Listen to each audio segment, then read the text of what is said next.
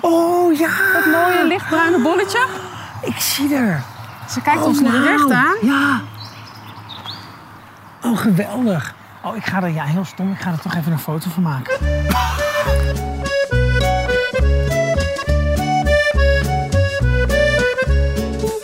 Hoi en leuk dat je met me meewandelt. In Libelles Luisterloopje neem ik, Patrick Martens, je mee op pad met bijzondere gasten die je meer leren over de natuur en jezelf. Zo kan een wandeling veel meer zijn dan een haastig ommetje in je lunchpauze of een manier om de 10.000 stappen aan te tikken. Tijdens Libelles Luisterloopje delen natuurliefhebbers en experts verhalen en tips waarmee je jouw wandelingen anders gaat bekijken en ervaren. Vandaag wandelen we met boswachter Astrid Benink, die ons laat zien dat er veel meer te halen valt uit een boswandeling als je weet waar je op moet letten.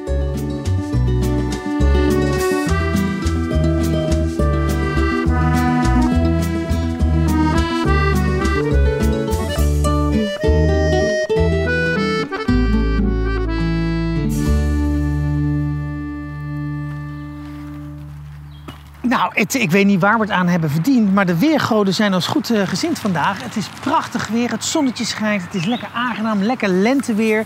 En ik sta aan het eh, begin van een, eh, volgens mij een prachtig bos, het Haagse bos. En ik ga weer een hele mooie wandeling maken. Dat ga ik wederom natuurlijk niet alleen doen, dat is heel ongezellig. Ik ga dat vandaag doen met boswachter Astrid Benink. Ja, welkom. Ja, Ja, dankjewel. welkom. Ja, Welkom. zeker. Ehm, ontzettend leuk. Ja, dat hoop ik. Ja, dat hoop ik, ik ook. vind het hier ontzettend leuk. Astrid is dus boswachter.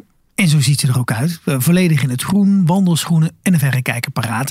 En ze werkt met veel plezier voor Staatsbosbeheer in het gebied van het Haagse Bos. Wat onderdeel is van Nationaal Park Hollandse Duinen. En ze is boswachter publiek. Wat inhoudt dat ze onder andere met de media praat, mensen meeneemt op excursies en langsgaat bij scholen om mensen bewust te maken van hoe mooi en kwetsbaar onze natuur is. En verder bestaat er een boswachter beheer, een boswachter ecologie en een boswachter BOA. Nu staan we aan de rand van het Haagse bos. Ja, Daar gaan we zo meteen in. ja. Ehm, wat voor route gaan wij lopen? Want jij hebt er volgens mij een route bedacht. Ja, nee, je ziet hier de QR-code al staan. Ja. We, hebben, we gaan het boswachterspad lopen. En dat is een pad wat wij als boswachters hebben eh, gemaakt, Ja. hebben bedacht. En waarbij we hebben geprobeerd om alle bezoekers langs een aantal highlights te laten lopen. Die niet ieder seizoen te zien zijn, want ieder seizoen heeft zijn eigen bijzonderheden of eh, mooie dingen. Ehm, dus afhankelijk van het seizoen zie je sommige dingen wel of andere dingen niet. Maar in ieder geval lopen we een heleboel verschillende paadjes. Ja. Eh, en zien we heel veel verschillende gezichten van het Haagse bos. Maar ik denk dat we gewoon moeten gaan lopen. Ja, denk ik ook. De precieze route die wij gaan lopen vind je terug op libelle.nl slash luisterloopje. Maar een boswandeling als deze kan je in principe in ieder bebost gebied maken. Wij wandelen dus door het Haagse bos, wat een vrij nieuw bos is. Ooit was het een duinbos. De meeste bomen werden pas aangeplant toen adelen in de 14e eeuw herten loslieten in dit gebied voor de jacht. En Deze hadden een beetje een bossige omgeving nodig om zich thuis te voelen. Zijn hier nog herten? Ja, Ja? tegenwoordig weer wel. Oh, zijn ze weer terug? De laatste, nou niet de herten die, die ooit door de adelen in het bos zijn losgelaten. Nee, dat snap ik. Maar de laatste twee, drie jaar zijn er steeds vaker weer reeën in het Haagse bos. Dat is onze kleinste hertensoort van Nederland. Ja. Je hebt de edelhert, de damhert en de ree. En eh, de reeën komen vanuit de landgoederenzone onze kant op. En komen vooral aan de kant voor waar uh, Huis ten Bos staat. Dus als je geluk hebt Dan zo meteen en je komt eh, s ochtends vroeg of tegen het einde van de dag... dan het loopt best- zomaar een ree tegen het lijf. Maar het is best wel een druk bos, toch? Het is, ik Ja. zie heel veel wandelaars, ik zie ook heel veel mensen hardlopen. Ik zie hier ook een, een speeltuin, er zijn ook heel veel kinderen. Het is, het is een druk bezocht bos. Ja, zeker. En dat is ook natuurlijk door de locatie, door de ligging, zo midden in de stad. Het is echt wel een bos van iedereen. Ja. Eh, en tegelijkertijd heeft het, omdat het bijvoorbeeld geen verlichting heeft s'nachts, eh ook nog voldoende rust dat er ook nog wel een heel aantal dieren zijn die zich hier thuis voelen. Ja. Waaronder dus toch ook een ree en bijvoorbeeld een vos die hier gewoon woont en Ja. leeft. En zo'n ree is ook best wel eh, slim. Hè? Die zoekt de plekjes op waar de honden bijvoorbeeld niet los mogen, maar aan de lijn zijn. En die zoekt Ja. de plekjes op waar wei- weinig paden zijn, zodat ze relatief rustig eh, kunnen eten. Ja. Hoe gaat het eigenlijk met de ree in, in het algemeen? Ja, goed. De wildstand is, neemt volgens mij eh, in Nederland toe. Maar de ree is echt een, een veel voorkomende soort. En die gedijt ook goed in een beetje gecultiveerd landschap. Dus bosjes en dan ook een beetje eh, landbouwgrond... waar die af en toe een beetje kan knabbelen van wat de boer Ja. aan het maken is. Dus eh, je kan reeën op best wel veel plekken spotten in Nederland. Ja. En eigenlijk ook best wel dicht bij mensen. Juist omdat het goed gaat en ze toch allemaal hun eigen territorium hebben... Ja. zie je dat, dat, dat ehm, het gebied zich uitbreidt... en ze zo langzaam dus ook weer terug naar het Haagse Bos komen... Ja. om hier lekker eh, te eten. en ondanks dat het een stadsbos is... vinden ze toch voldoende rust om hier eh, regelmatig terug te komen. Nou, gelukkig maar. Ja. We kunnen dus zomaar een race spotten. Vandaag hier, maar ook in andere stadsbossen. Hopelijk kan Astrid ons vertellen hoe we dat kunnen meemaken. Maar wat kunnen we in het algemeen nou leren van Astrid om onze eigen boswandelingen mooier te maken? Ik denk dat het bijzonderste is, en wat ik nu nog meer weet, ehm, dat, dat, dat, het altijd, dat er altijd iets moois te vinden is. Ook als het ontzettend slecht weer is of als het heel hard vriest. eh, ehm, er is altijd iets te ontdekken. Ja, Dat is eigenlijk het allermooist. En ik heb, ja, als eigen ervaring was ik een keer aan het zagen in het bos. We waren eh, eh, essen aan het zagen. Die Oh, hebben ja. last van de essentaksterfte. En die bomen stonden te dicht bij het pad. Essentaksterfte is een schimmel. En die tast die bomen aan, waardoor ze zomaar kunnen omvallen of takken afbreken. Dus voor de veiligheid van de bezoekers moet je wel zorgen dat ze bij het pad in ieder geval Ja. weg zijn. Dan ben je dus met zo'n motorkettingzaag, wat natuurlijk ontzettend veel kabaal maakt, eh, aan het werken in een bos. En dan zit je eventjes te lunchen en dan lopen er zo opeens vier reeën door dat bosvak. oh wauw. Ja, dat is zo cool. Dat je denkt, nou, ik ben gewoon... Dat maakt doet je ook beseffen dat je gewoon weet, ja, ik zit in hun leefgebied. Hè? Ik ben bij hun op bezoek. Ik maak heel veel lawaai, maar als ik even rustig ben, nou, dan lopen ze gewoon even langs. Ja, dat is zo mooi. En ik denk dat zo'n plaatje ook nooit echt went. Dat blijft denk ik altijd bijzonder als je het ziet. Ja, ik vind het ook nog steeds bijzonder. Ja, Maar ook de, de kleuren, hè, want we lopen nu overdag in het bos. En dat is iets wat veel mensen doen. En die gaan eerst eh, boodschappen doen of ze gaan eerst sporten. En daarna denken ze, we gaan nog even naar het bos of we gaan nog even naar de duin, we gaan nog even naar buiten. Terwijl er soms ook heel veel te ontdekken is als je bijvoorbeeld tegen de schemering gaat. ja. Hè, dit is de tijd dat de vleermuizen weer actief worden. Dus een uur voor zonsondergang tot een uur daarna hebben we hier heel veel verschillende soorten vleermuizen. En die kan je ook gewoon zelf spotten. ja. Het is onwijs mooi, want ja, overdag zie je die gewoon niet. Nee, ja, maar En dit- nu, s ochtends vroeg, als je het bos ingaat en je hoort al die vogels die aan het zingen zijn voor een vrouwtje of op hun territorium. Ja, ik hoop wel dat we nog in, in iets van een bijzonder dier gaan tegenkomen. Zit hier nu eh, dat je denkt van nou, daar maken we kans op? Dan heb ik ook een beetje een Eh. doel als ik wandel. Dat vind ik toch altijd wel lekker. Ja, misschien dat we de bosuil spotten. De bosuil? De bosuil, ja, die leven hier ook. Die houden echt van wat oudere bomen waarin holtes zitten, waardoor ze hun nest kunnen maken. Dus in een te jong bos tref je die eigenlijk niet aan. Nee. Maar in wat oudere bossen of landgoederen, hè, want eh, ook in Rijswijk hebben we de bosuil gewoon bij ons in de straat lopen, omdat we een aantal grote bomen in de buurt hebben. Ehm, en de bosuil is, is een nachtactief, dus overdag eh, zitten ze wel eens gewoon ergens le- lekker te rusten en zijn avondmaal te verteren. Dus wie weet dat we die nog kunnen spotten. Joe, ik breek even in voor het wandelweetje van deze week. Wist je dat je veel meer uit je wandeling kunt halen als je er eens voor kiest om op een totaal ander moment te gaan wandelen dan je normaal zou doen? Zo blijven de meeste mensen lekker binnen als het regent. Maar Astrid vertelde dat zij vaak juist reeën spot als zij wandelt met slecht weer. Het door het getik op de bladeren kan het zomaar zijn dat een dier jou, voor de verandering, niet hoort. En ineens sta je dan misschien wel oog in oog met een ree. Toch niet zo'n slecht idee dus wandelen in eh, slecht weer. Ook kun je je wandeling nog fijner maken door eens niet enkel te gaan wandelen in de zomer of in de middag, maar juist in de winter of in de vroege ochtend of de late avond. Door het verschil in lichtinval zie je hele andere kleuren tot hun recht komen. En je hoort hele andere vogels kwetteren. eh, je ziet andere planten bloeien en groeien. En zo ervaar je het bos totaal anders. En dit geldt overigens niet enkel voor het bos, maar wandel ook een keer met een hoos bij over het strand. Of met een harde wind over de weide. eh, met zonsondergang in het park. Weet je, voel je de natuur. Hoor je de planten meer ruisen dan anders. Hoor je het geluid van vallende glitters als regen op water valt. Weet je, zie je andere dieren vliegen. Nou ja, het zullen vogels zijn, maar hè, andere vogels. Zo hoeft een wandeling nooit saai te zijn. Nou, voor meer ultieme wandeltips, kijk op libelle.nl slash wandelweetje. Maar ook hier is het wandelen nooit saai, want dit is namelijk het bos waar de oranjes wonen. Nee, het is ook wel een mooi plekje hoor. Want we staan nu eigenlijk, als je om ons heen kijkt, een hele grote vijver. Ja, en daar die- tussen de bomen is Huis ten Bos. Waar Willem-Alexander, Maxima en de dochters wonen. Dus we Ja, hebben koninklijke buren. Maar die wonen gewoon in het park. Die wonen in ons bos. Ja. Oh. Ja. Dus Zie dat ze is wel best eens? mooi. Ik heb ze nog nooit gezien. Nee? Collega's van mij wel eens. Een joggende Maxima. Maar die joggt niet alleen, denk ik. Die, die, die joggt met een hele entourage. Ja, dat weet ik niet. Dat weet ik niet. Oh, het is leuk. natuurlijk ook de laatste tijd wel wat eh onstuimiger allemaal Ja, rondom helaas. het vertrek van Amalia. Dus toen werden Ja. wij ook allemaal vaker gecontroleerd. Want wij rijden hier heel veel met auto's in het bos en dan moet je je wel kunnen legitimeren. Want dan Ja. komt de koninklijke Nou, marechaussee even vragen aan je van wie ben jij, wat doe je, Heb je wel echt, eh, ben je wel echt boswachter? We lopen nu trouwens over een hele bijzondere brug. Oh, Want deze brug heet de Zwitserse brug, omdat die zo lekker stijl is. En het verhaal gaat dat die zo hoog is gemaakt, omdat de prinsessen, dus de Julianen hier nog woonden, dat de prinsessen, als het hier bevroren was, wel lekker door konden schaatsen. oh, maar die hebben hier gewoon geschaatst. Ja, ja. Mijn opa was ook boswachter, hè? Echt? Ja, in de Krabbelbossen. Waar zit dat? Krabbelbossen, dat is eh, in Brabant, bij Breda.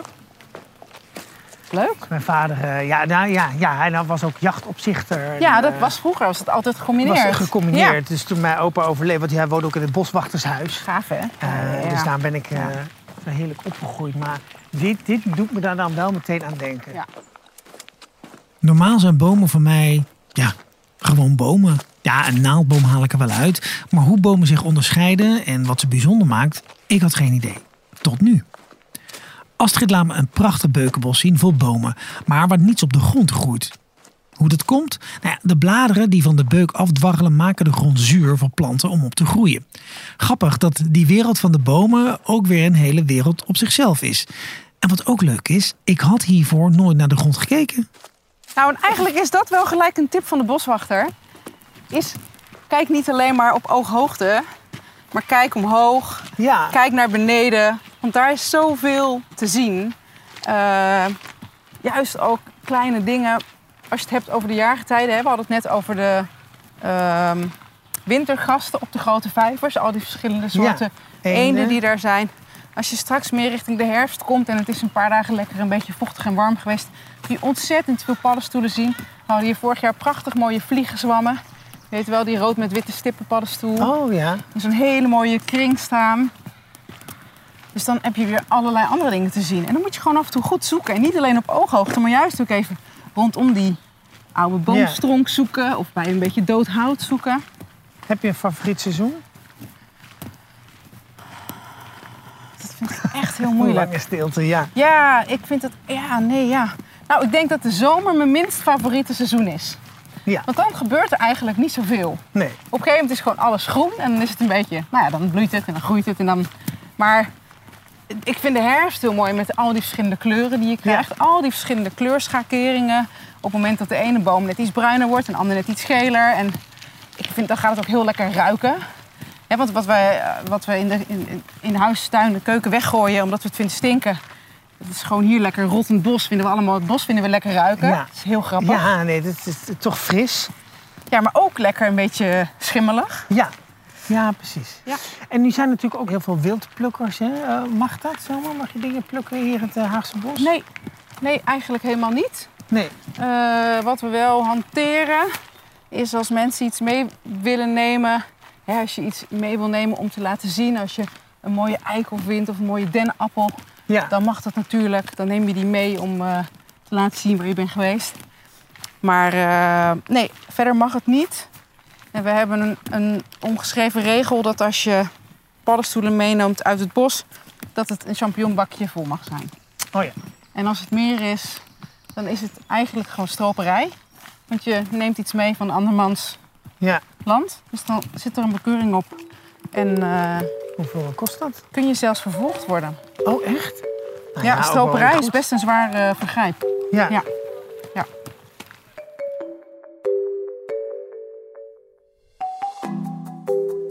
Is duidelijk dat we maar beter zuinig kunnen zijn op de natuur. En logisch ook. Sowieso geldt van wildplukken dat ook in gebieden waar het wel mag, je niet meer dan 10% van een plant mag meenemen, zodat het gewas zich goed kan herstellen. Maar als ik Astrid hoor praten, is het allerverstandigst om niets te plukken. Nou, we komen hier bij de oprijlaan Van van, de- Huis ten Bos. Ja, ik zie het. We gaan kijken of die thuis is en dat kan je zien. Aan de, aan de Al- vlag. Ja, als het koninklijk vaandel in top is, Ja. nou, dan kan je niet zien of die thuis is. Dan zegt dat of die in Nederland is. Willem-Alexander. Als het goed is niet, hè? Oh, het lijkt me eh, vreselijk. Je ziet toch allemaal mensen voor de deur foto's te maken. Ja. Nou ja, is ver weg toch? Kijk. Nou, de vlag hangt niet in top. Nee. Dus hij is niet in, in het land. Weten we nu. Ja, het is toch een leuk optrekje. Zeker. Ja. Meestal let ik in het bos vooral op dieren, planten en bomen. Nooit eerder dacht ik na over de geschiedenis die het bos behelst. Hier is niet alleen veel koninklijke geschiedenis, maar Astrid vertelt me ook over de verschillende oorlogen die het bos meemaakte. En als je met dat soort kennis door het bos loopt, ja, dan gaat het nog meer leven.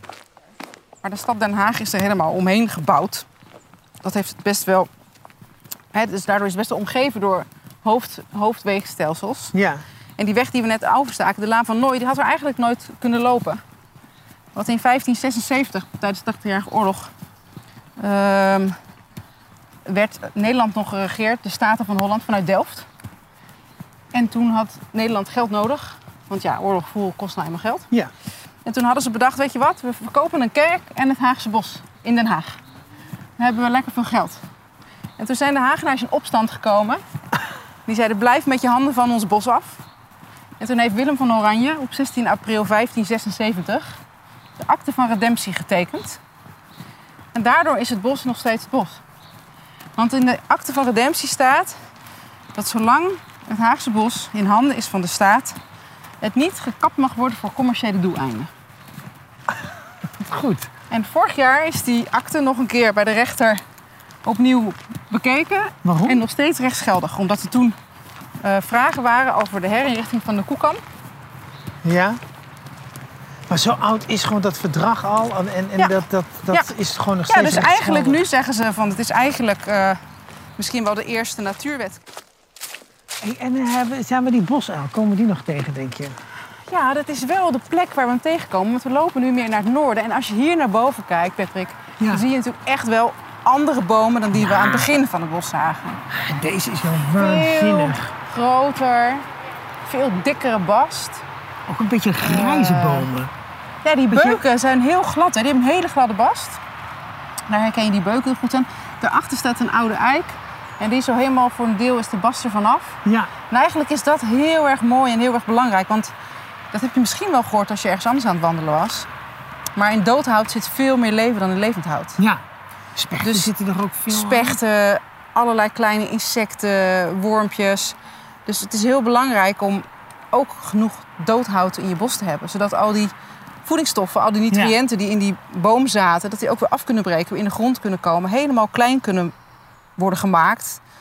En uiteindelijk weer kunnen worden opgenomen. Ja, wat goed dat dat niet allemaal wordt weggehaald voor, vanuit een eh, esthetisch oog, zeg maar. Nee, nee, hoewel dat wel soms eh, het geluid is wat je van mensen krijgt. Eh, Ja. Dus dat is ook iets wat we dan als boswachtpubliek moeten uitleggen. Waarom we sommige grote boomstammen ergens wel laten staan. Eh, en dat het eigenlijk dus ontzettend belangrijk is. En dat, net wat je zegt, hè, spechten vinden daar eh, mogelijkheden. Maar ook eh, in de oude holtes boommarters. Want die hebben we ook hier in het bos. Boommarters. Ja, het is echt een hele... En zo gebeurt er gelukkig een boel om het bos en de dieren erin te beschermen. En boswachters die bewust dood hout laten liggen, is zo'n ding dat voor het publiek lijkt op iets lelijks, maar dat eigenlijk een heel mooi doel heeft. En zo zijn er nog veel meer projecten die de natuur moeten beschermen. Astrid vertelt me hoe eekhoornbruggen over de weg naast ons de eekhoorns een veilige oversteek geven. Tenminste, hè, als ze op die bruggen niet opgegeten worden door de boommarters, die wel heel graag een eekhoorntje lusten. Ja, nou ja, goed, dat is natuurlijk ook gewoon de natuur. Eén ding is zeker, we kunnen een boel doen om de planten en dieren een handje te helpen. Maar dan, terwijl ik vrolijk loop te kletsen, blijft Astrid opeens staan. Ja, ik kan me voorstellen dat eh, jij ziet iets. Ja, ik zie een bosuil. Nee, waar? Nou, ze kijkt naar links, want ze vindt die hond wel interessant. Maar als je deze boom hebt voor je en je kijkt naar boven, dan zie je een soort stukje ingezakt. Daar is de beuk kapot. Dus ze draait nu weer met haar kopje naar ons toe. Maar oh ja, mooie lichtbruine bolletje. ik zie er. Ze kijkt Oh, ons wauw. recht aan. Ja. Oh, geweldig. Oh, ik ga er, ja, heel stom, ik ga er toch even een foto van maken. Nou, dan moet je straks, als je dat leuk vindt, nog even door de camera heen kijken. Want ze heeft één oog open en één oog dicht. Want ze denkt, nou, wat is er allemaal aan de hand daar? En is dit, dit is gewoon een jong? Nee, dit is de volwassen. Oh, ik wou net En zeggen. waarschijnlijk een vrouwtje. En dit is een beetje een vast plekje. Dus als je de wandeling loopt en je komt langs het bankje van Jenny, dat staat daar. Oh, wat is die mooi. Prachtig, hè? Het is heel, ja, wat je ziet er bijna niet, want het heeft natuurlijk he- hele mooie schutkleuren. Ja. Ja, één oogje dicht. Een beetje lichtbruin met strepen op de buik. En het zit lekker in een soort, soort holletje. Ja. Alleen wel. Dit is niet het nest, of wel? Nee, nee, nee, dit is niet het nest. Het nest heeft ze al gehad, want ik heb haar echt een paar maanden hier niet gezien. Dus waarschijnlijk heeft ze ergens jong grootgebracht. En zijn er ergens takkelingen uit het nest gekomen. Ja. Zo noem je uilen die pas uit het nest komen en dan nog niet goed kunnen vliegen. Takkelingen. Die kunnen een beetje van een tak naar een tak hopsen. Maar ze zijn verder nog echte elskuikens en moeten nog gevoerd worden door de ouders. En sinds drie weken, drie weken geleden zag ik haar voor het eerst weer. Nou, En dit is eigenlijk heel vaak een plekje waar ze te vinden is. Hier in deze omgeving, bij die grote oude bomen, is ook vast hier ergens heeft ze een holte gebruikt om een nest te maken. Maar dit is toch bijzonder, want dan denk ik, er lopen hier zoveel mensen. Ja. En die, die zien dit niet, want die kijken niet omhoog. En die kijken gewoon op, op een telefoon of met een hond of naar beneden. Terwijl en- daar een prachtig uiltje zit. En dit soort stomme, gekke plekjes worden voor een deel wel benoemd. Maar ook hier, dat is ook wel het leuke aan het lopen in de natuur. Je weet nooit wat de natuur je brengt. Nee. Want je kan heel veel dingen weten en heel veel plekjes weten. Maar het kan ook zijn dat je daar een rondje loopt en dat je helemaal niks ziet van wat je dacht dat je zou gaan zien. Dat maakt het ook wel weer spannend. Ja, Dat ja, maakt het ook wel spannend. Voor de rubriek Waar willen we wandelen tip ik iedere week mooie wandelgebieden. Waar moet je zijn voor een bijzondere boswandeling? Zoals ik al eerder zei, kun je als je maar goed kijkt in ieder bos wel iets bijzonders spotten. Toch is het voor de echte bosliefhebbers aan te raden eens te kijken voor boswachterspaden op de website van Staatsbosbeheer. Eentje zoals Astrid en ik nu bewandelen. Dit zijn voorbedachte routes vol bezienswaardigheden. Je kunt kiezen voor een boswandeling, maar ook een heide- of een duinwandeling. Je kunt kiezen voor drukke routes, stille routes, lange of korte routes, routes vol natuurhighlights, maar ook routes vol cultuurbezienswaardigheden. Probeer eens Boswachterspad Oeverlanden Hollands Diep, een ongerepte natuurwandeling van 5 kilometer waar de beversporen niet te missen zijn. De Boswachterspad de Noordzeewandeling, een 10 kilometer lange route langs heide, dennenbos, open duinen en zees. Echt prachtig. Of een dagje van boswandeling Kuinderbos, waar je op 30 kilometer lange route wel 80 broedvogels kunt tegenkomen. Ook benieuwd naar mooie stadswandelingen, vogelspotwandelingen of nachtwandelingen? Ga naar libelle.nl slash waar willen we wandelen. Kijk, nu hebben wij zo'n bosuiltje natuurlijk gespot. ehm, in het Haagse bos. Eh, kunnen mensen die in een ander bos wandelen ook zo'n uiltje spotten? Waar moeten ze dan op letten? Zit een bosuil overal, in ieder bos. Nee, een bosuil zit wel echt op plekken waar het een beetje oudere bossen zijn. Hè, dus wat grotere bomen. Ja. Want die moeten ook holtes hebben om te kunnen nestelen. Ehm, dus dat is wel een voorwaarde. Verder is een bosuil gewoon een inheemse soort die op heel veel plekken in Nederland voorkomt. Alleen ik denk dat je hem vaker hoort dan dat je hem ziet. Want zoals je net al zei, hè, het is eigenlijk helemaal niet zo'n grote uil als hij Nee. stil zit. En de kleur valt best wel weg tegen de achtergrond, een beetje bruin gevlekt. Dus dan moet je het echt weten. Dus wat je kan doen, is dat je op het geluid af kan gaan, s'avonds. En wat voor geluid maakt hij? Het is echt een beetje, het vrouwtje maakt schreeuwend geluid. Een beetje fel schreeuwend. Maar dan iets hoger. Ja, maar het mannetje, Doet echt die spookachtige oeh, oeh. Dat doet alleen een mannetje? Ja, dat is echt heel mooi geluid. Maar Ik dacht vaak dat dat is het dan... oeh was. Nee, maar even serieus. Nee. Oeh maakt toch oeh. Nee. Nou, misschien ook. Maar we hebben heel weinig oehoes in Nederland. Alleen maar bij de Mergelgroeven in Maastricht. Hè? Alleen maar de Europese oehoe. We hebben... Dus ik denk dat je een boshuil hoort. Nou, volgens mij zit hij ook gewoon in het Amsterdamse bos bijvoorbeeld. Vast. Er zijn een hoop oude bomen. Als er Ja. genoeg bos omheen zit. Als je ziet, hè, dit bos is 100 hectare. Dat is 200 voetbalvelden groot. Nou, dat is groot genoeg om er een goede leefplek te hebben. Ja. En een plek om te zijn. En voldoende voedsel te vinden voor de boshuil. Om, om al heel veel jaar hier wel een mooie soort te zijn voor het Ja. Hey, en wat, wat, wat kan ik doen om het bos te beschermen? Het belangrijkste is, is dat je gewoon aan de huisregels houdt. Die iedere terreinbeherende organisatie bij de ingang heeft staan. Ja. En dat is heel eenvoudig. Van neem je afval mee naar huis. Tot ga er niet in na zonsondergang. ehm, tot wil je hier je hond aan de lijn houden. Dat zijn eigenlijk hele belangrijke dingen. Ja. En wat wij nu vragen, we lopen hier nu in het voorjaar. Dat is de tijd van de kraamkamers. Dat is de tijd dat dieren hun jong krijgen. Zowel vogels, maar ook de eekhoorntjes bijvoorbeeld en de reeën. Dan zijn ze kwetsbaar. Ja. Want ze moeten voor hun jongen zorgen, ze moeten zelf eten zoeken. En als wij gewoon altijd hetzelfde gedrag vertonen, gewoon gewoontes handhaven, dus we lopen op dit pad en we lopen altijd op die pad, dan kan een ree best dichtbij een plekje vinden om te rusten. Ja. Maar die weet gewoon, de mensen lopen daar, dan kan ik daar liggen. Op het moment dat je van die regels afwijkt en zomaar door het bos gaat struinen, dan geeft dat ontzettend veel onrust en verstoring. Ja. Ja, het heeft toch ook altijd zo'n serene rust, hè? Ook zo'n bos. Beetje vogeltje fluiten. Het is ook gewoon goed om soms alleen maar even te luisteren. Ja. Ik doe dat ook vaak als ik kinderen meeneem. En dan gaan we eerst een stukje het bos in. En dan gaan we even luisteren. En dan gaan we daarna heel veel herrie maken. En dan nog een keer luisteren. En dan kijken of je andere dingen hoort. Oh, wat Om gewoon kinderen bewust te maken van hoeveel herrie maak je eigenlijk zelf. En wat voor soort andere geluiden heb je. En nu is het heel windstil. Ja, dus we horen wel de vogels, maar we horen ook veel stadse geluiden. Ja. Er wordt nu een roodborstje zingen. Maar als het waait bijvoorbeeld, hoor je ook echt het ruisen van het blad. Ja, precies. Hè, of het vallen van de blaadjes. En dan komen we langs een hele goede reeënspotplek. En dit is ook de plek waar ik toen het zo had geregend hier langs kwam rijden met de boswachtersauto.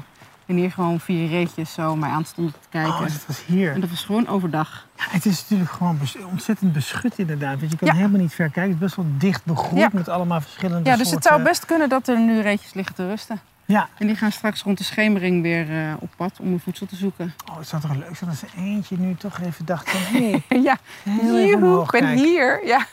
Ach, die bosuil was al bingo. Het kan niet altijd feest zijn. Ik probeer gewoon te genieten van wat het bos altijd te bieden heeft. Bomen. En het is gek om stil te staan bij ja, hoeveel ze hebben meegemaakt. Hoeveel jaren en seizoenen ze achter zich hebben. En hoe ze zijn gegroeid door de tijd heen.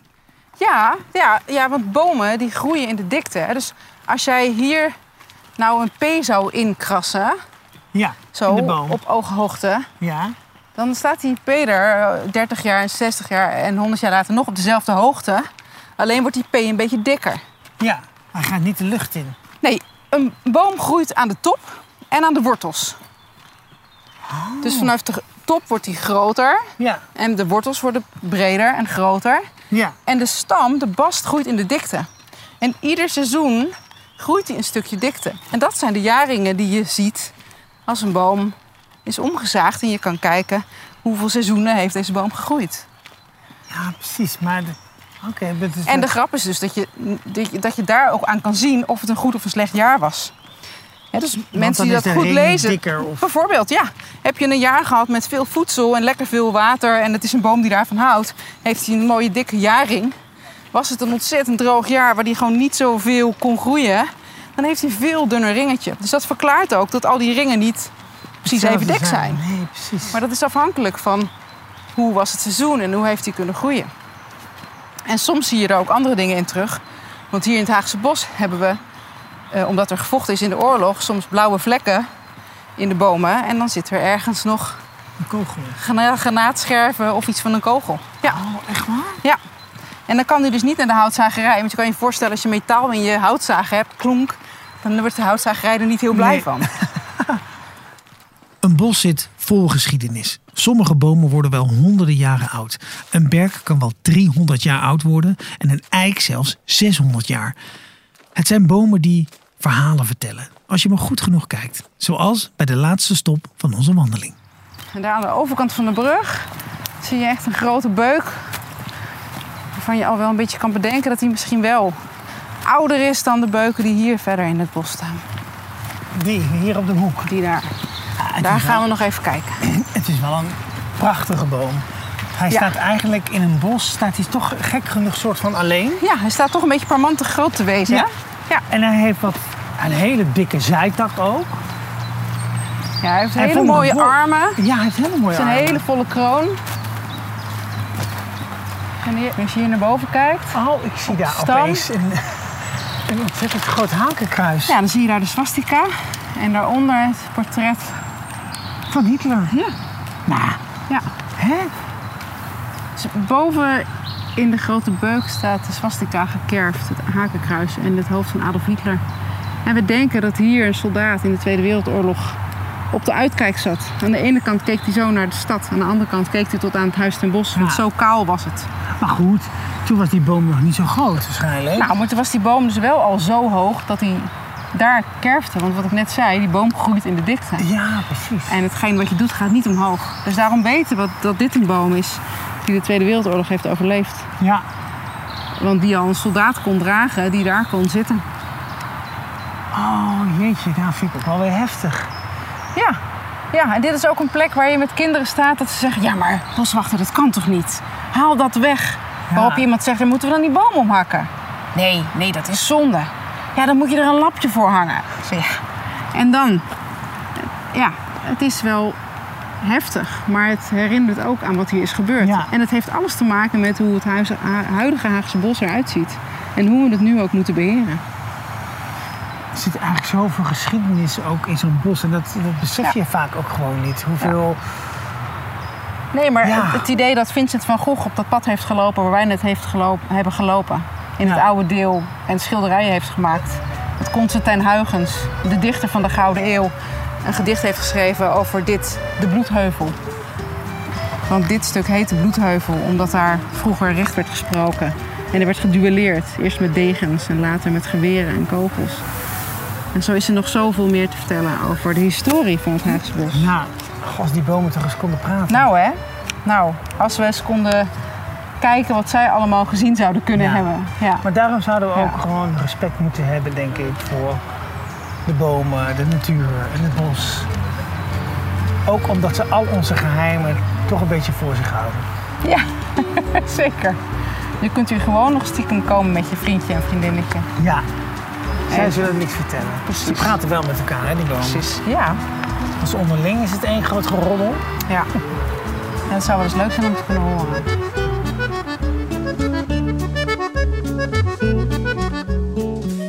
Hiermee komt onze wandeling ten einde. Ik heb me nooit gerealiseerd vanuit hoeveel perspectieven je het bos kunt bekijken. Je kunt kijken naar het nieuwe leven in het verval, naar de bijzondere dieren die er te spotten zijn, naar de seizoenen die het bos kleuren, maar ook naar de geschiedenis die in de bomen leeft. Ik hoop dat jij net zo hebt genoten als ik om in het bos door eh, nieuwe ogen te bekijken. Zet je koptelefoon eens af en probeer eens iets in het bos te spotten dat je niet eerder opviel. En als je straks thuis komt, zoek eens op wat de geschiedenis van het bos is waar jij nu loopt. Succes en bedankt voor het luisteren. Wandel je de volgende keer gezellig mee met Libelles Luisterloopje? Dan neem ik je mee op een anti-piekerwandeling met mindfulness trainer Angela. Tot dan.